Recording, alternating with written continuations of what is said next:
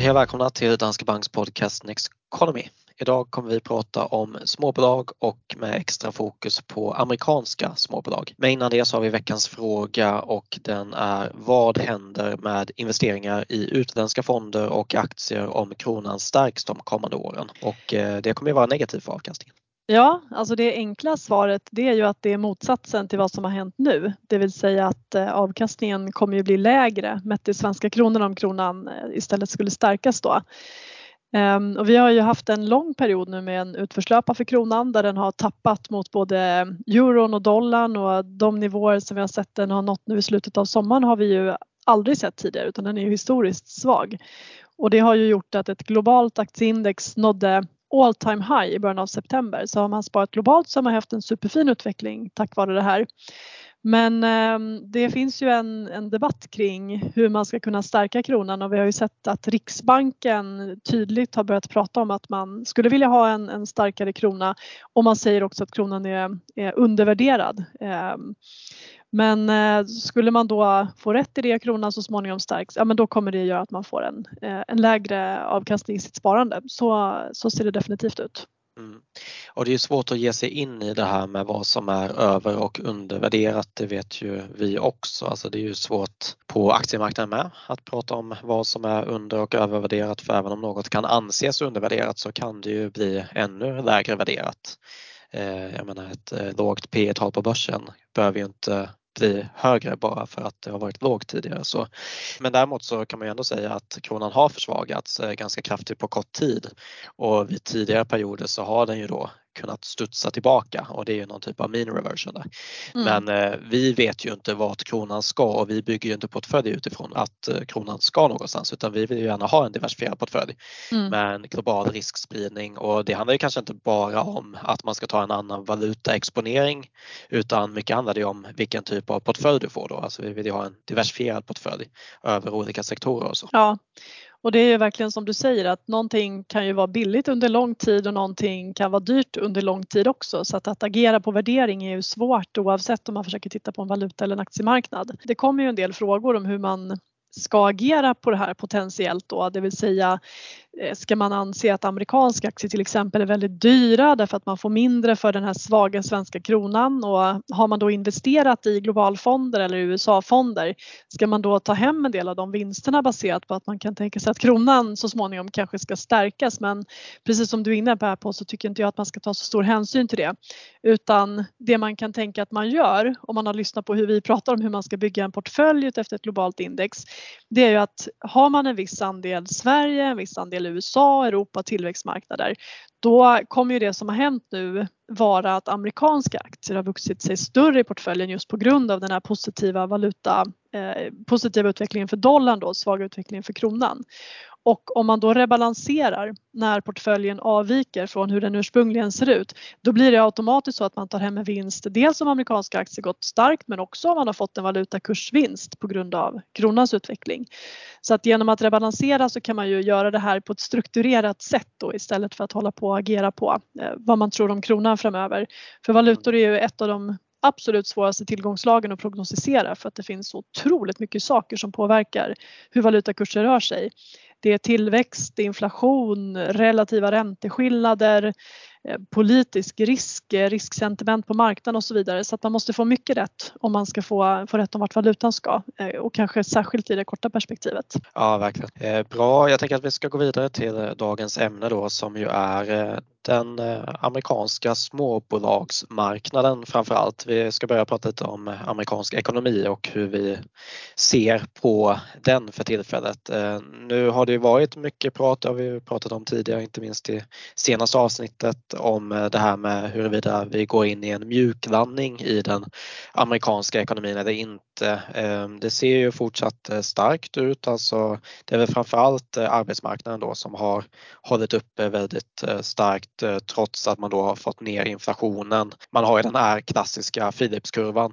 Det mm. där ska ju inte ske samtidigt egentligen då utan man ska ju inte kunna få ner inflationen utan att öka arbetslösheten. Är tanken och så har ju Fed sett på det till en början också men nu har man ju fått det här Goldilocks scenariot så eh, hur ser det ut framöver? Ja, man börjar ju precis som du säger svänga här och eh, tittar man på på vad den amerikanska centralbanken sa i samband med senaste räntebeskedet så skruvar man ju upp prognoserna för tillväxten. Man tror inte längre att, att eh, arbetslösheten kommer stiga så mycket som man trodde förut och man trodde ju redan då att den skulle öka ganska lite men nu tror man att den bara kommer bli marginellt högre än dagens nivå. Och samtidigt då så ser man att inflationen gradvis ska röra sig ner mot målet. Men apropå mjuklandning då så är det så att i grund och botten så mår den amerikanska konsumenten fortfarande bra och det handlar ju mycket om arbetsmarknaden. Arbetslösheten är låg. Det finns många lediga jobb att söka och vi har också sett att fler människor söker sig tillbaka till arbetsmarknaden.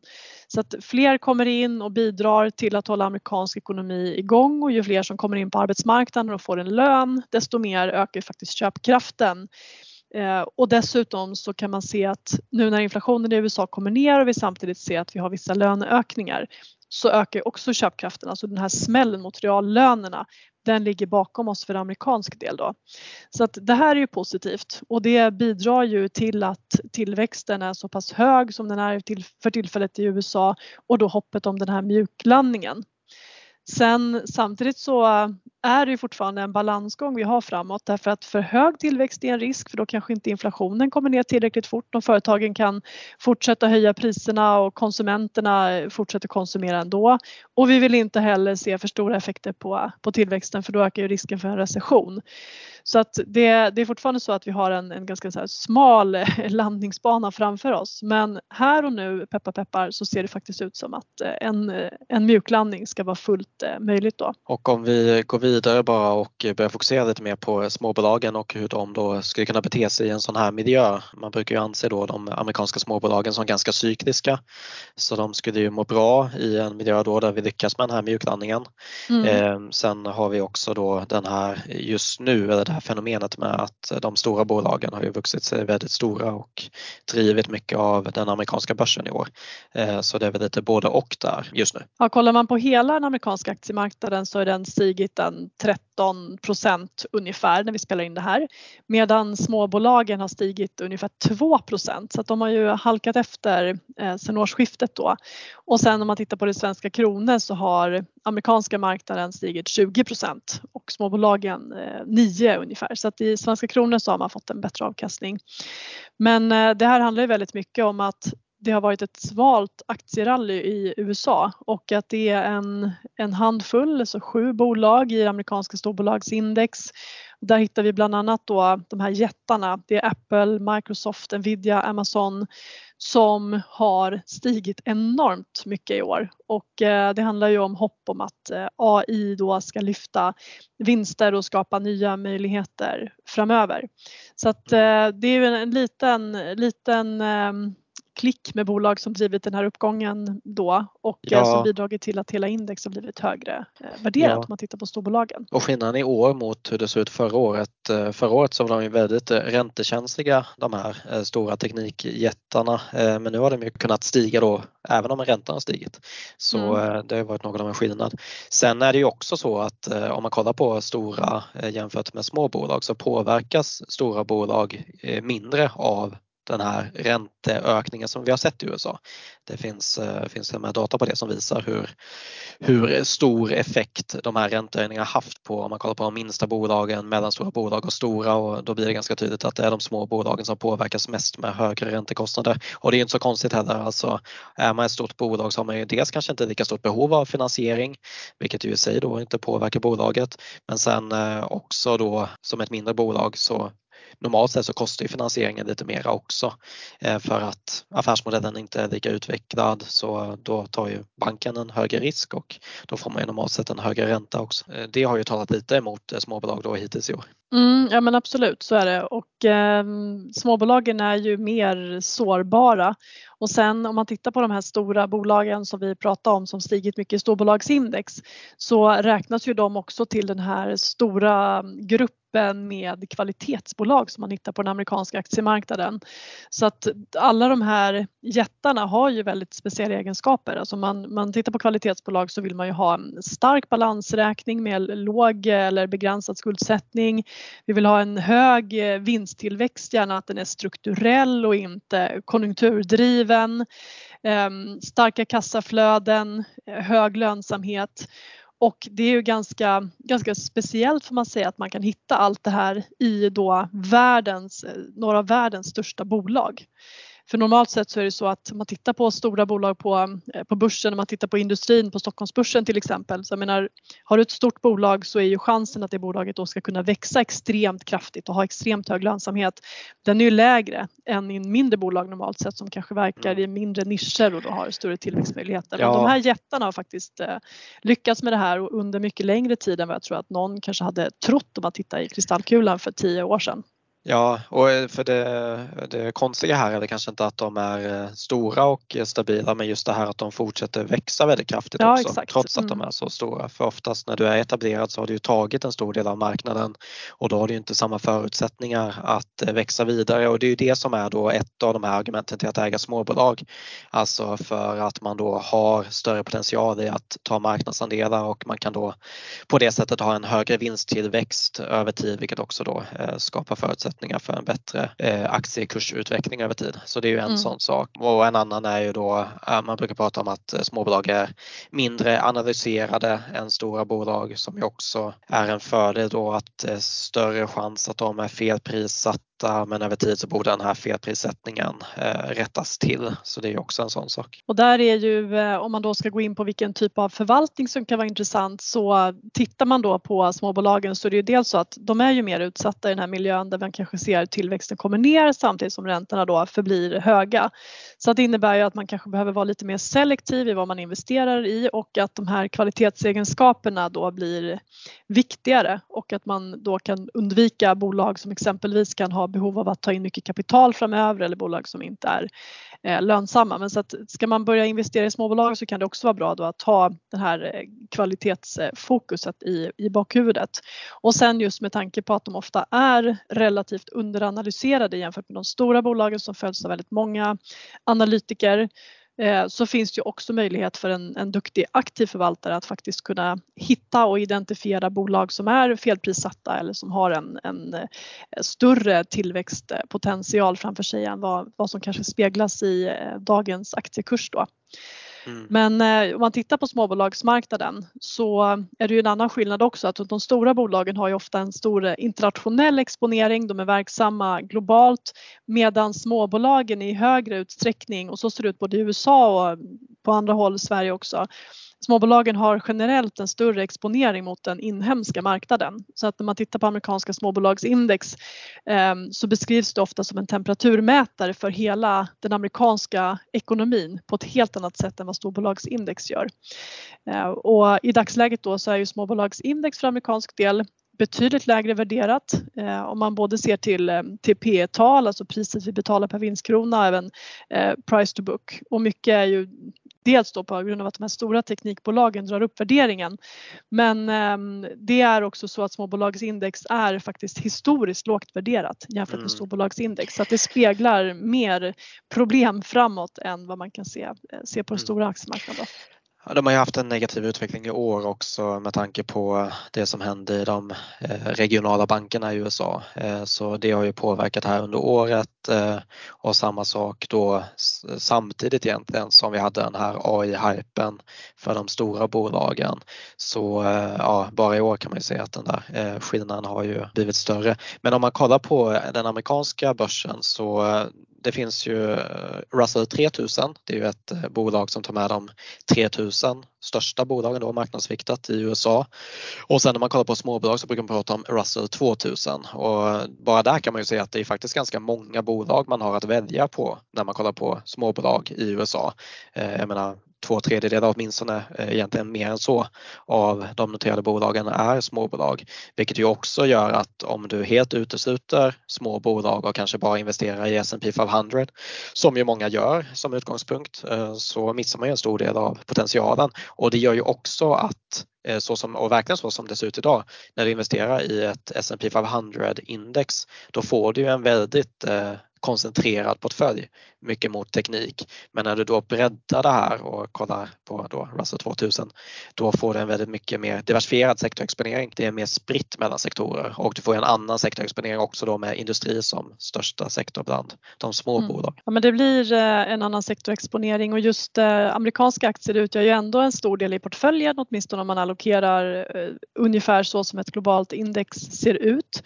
Och eh, ska man då titta på hur man ska allokera i USA så tycker jag att just den här poängen med att det är så pass många bolag på den amerikanska börsen som faktiskt räknas som småbolag.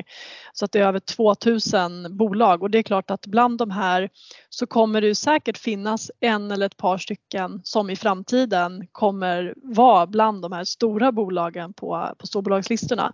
Och då vill man ju inte få exponering mot dem den dag som de redan kommit in i storbolagsindex utan då i så fall så vill man ju vara med i resan från början. Så att, eh, att addera småbolag är intressant men sen så ska man ju vara medveten också om att när man investerar i småbolag oavsett på vilken marknad så är ju risken då högre och eh, volatiliteten i småbolagsindex tenderar att vara högre så att kursrörelserna är större. Och det här kan ju både innebära då att man potentiellt kan få en, en högre avkastning på lång sikt därför att vi, vi har, eh, man hittar de här guldklimparna och mindre bolag med, med stora tillväxtmöjligheter.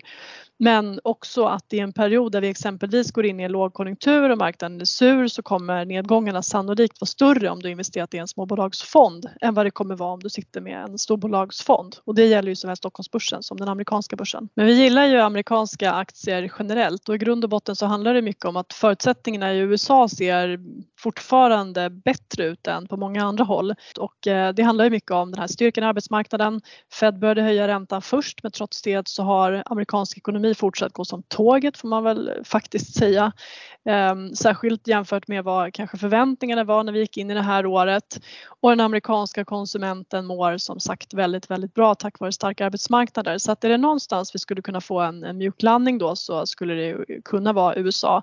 Och vår bild är väl också att Eh, USA ligger före i inflations och räntehöjningscykeln och eh, det talar ju för att inflationen har ju redan kommit ner lägre än på andra håll. Men att man tidigare kommer komma till den punkt också där Fed då börjar sänka räntan även om det kommer gå i ett långsamt tempo. Men så att vi, vi gillar, eh, vi tycker amerikansk ekonomi ser stark ut, vi gillar den amerikanska börsen men som sagt med tanke på hur storbolagen har gått och då särskilt det här eh, lilla klicken som har drivit index till stor del så tycker vi att man ska bredda exponeringen och titta på eh, small och midcap med fokus på kvalitet som vi har generellt i våra strategier då. Sen så tycker jag också att det är värt att nämna att skulle det nu bli så att vi får en sämre konjunkturutveckling framåt, vi får ingen mjuklandning säger vi utan det blir faktiskt en global recession till slut, då brukar faktiskt också amerikanska bolag klara sig relativt bra jämfört med andra aktiemarknader. Och det beror mycket på att vi har mycket kvalitetsbolag, mycket strukturell tillväxt och det är mindre konjunkturberoende och cykliskt än till exempel Europa. Då. Ehm, och en, en slutlig eh, skäl som jag också tycker man kan nämna här det är också dollarn. Vi har ju redan fått en fin avkastning på amerikanska aktier tack vare dollarns förstärkning. Men dels är det så att redan i ett grundscenario så väntar vi oss att, att dollarn skulle kunna stärkas mer mot kronan eller förbli stark åtminstone. Eh, och det andra är ju att skulle vi nu få en global lågkonjunktur så brukar det också göra att man då flyr till säkra hamnar. Då blir det mycket dollar Eh, så att en svagare risksentiment skulle också snarast gynna dollarn då och det skulle också vara en stötdämpare i avkastningen. Dels på det globala sparandet men också på eh, amerikanskt sparande specifikt då. Mm. Bra, eh, då tänker jag att vi ska gå vidare till veckans studie och den här veckan så heter veckans studie Fact Fiction and the Size Effect. Det här handlar ju alltså om den där småbolagspremien eh, som man brukar prata om när det gäller småbolag. Och i början av 80-talet så gjorde en, eh, ja han heter då Rolf Bands, han gjorde en studie som visade att småbolag i USA har en, eller hade en högre riskjusterad avkastning än storbolag över tid visade sig. Och det är det här som då eh, kom att kallas småbolagspremien och det var något som populariserades också i och med trefaktormodellen från Pharma and French i början av 90-talet.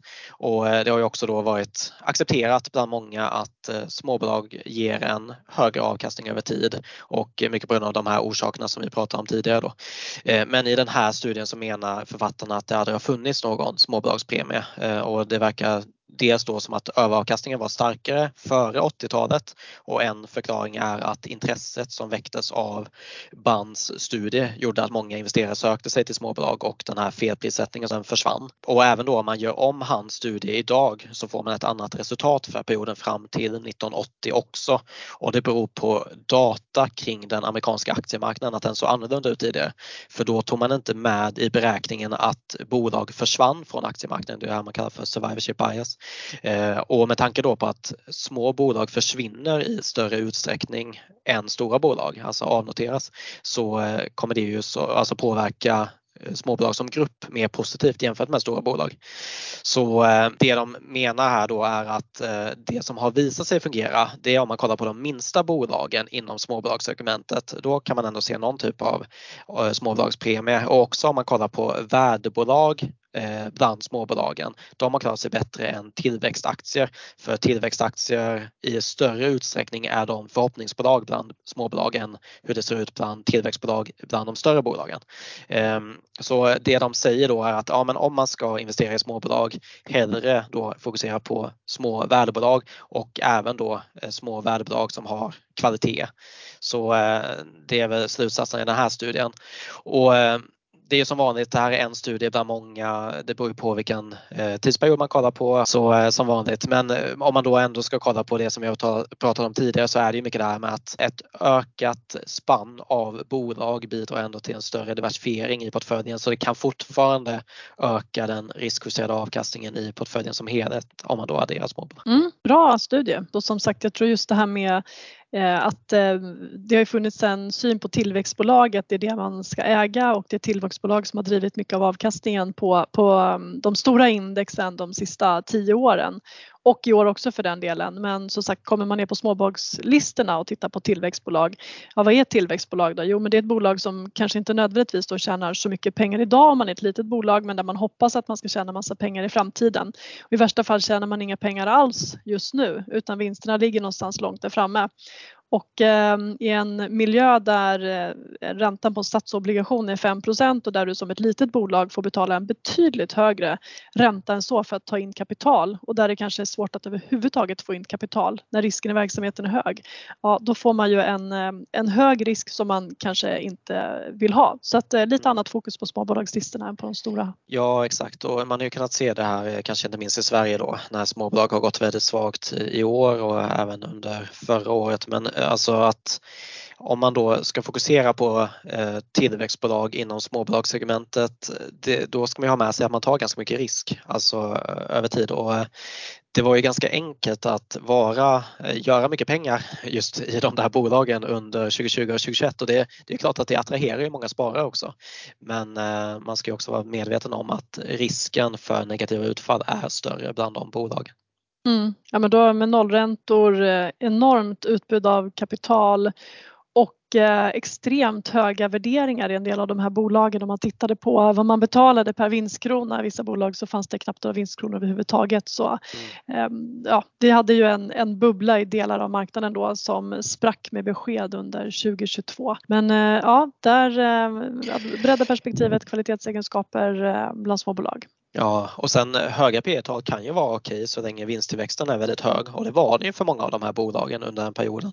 Men när det inte är så längre, det är då, de, eh, då, då får man ju en rejäl smäll i dem istället.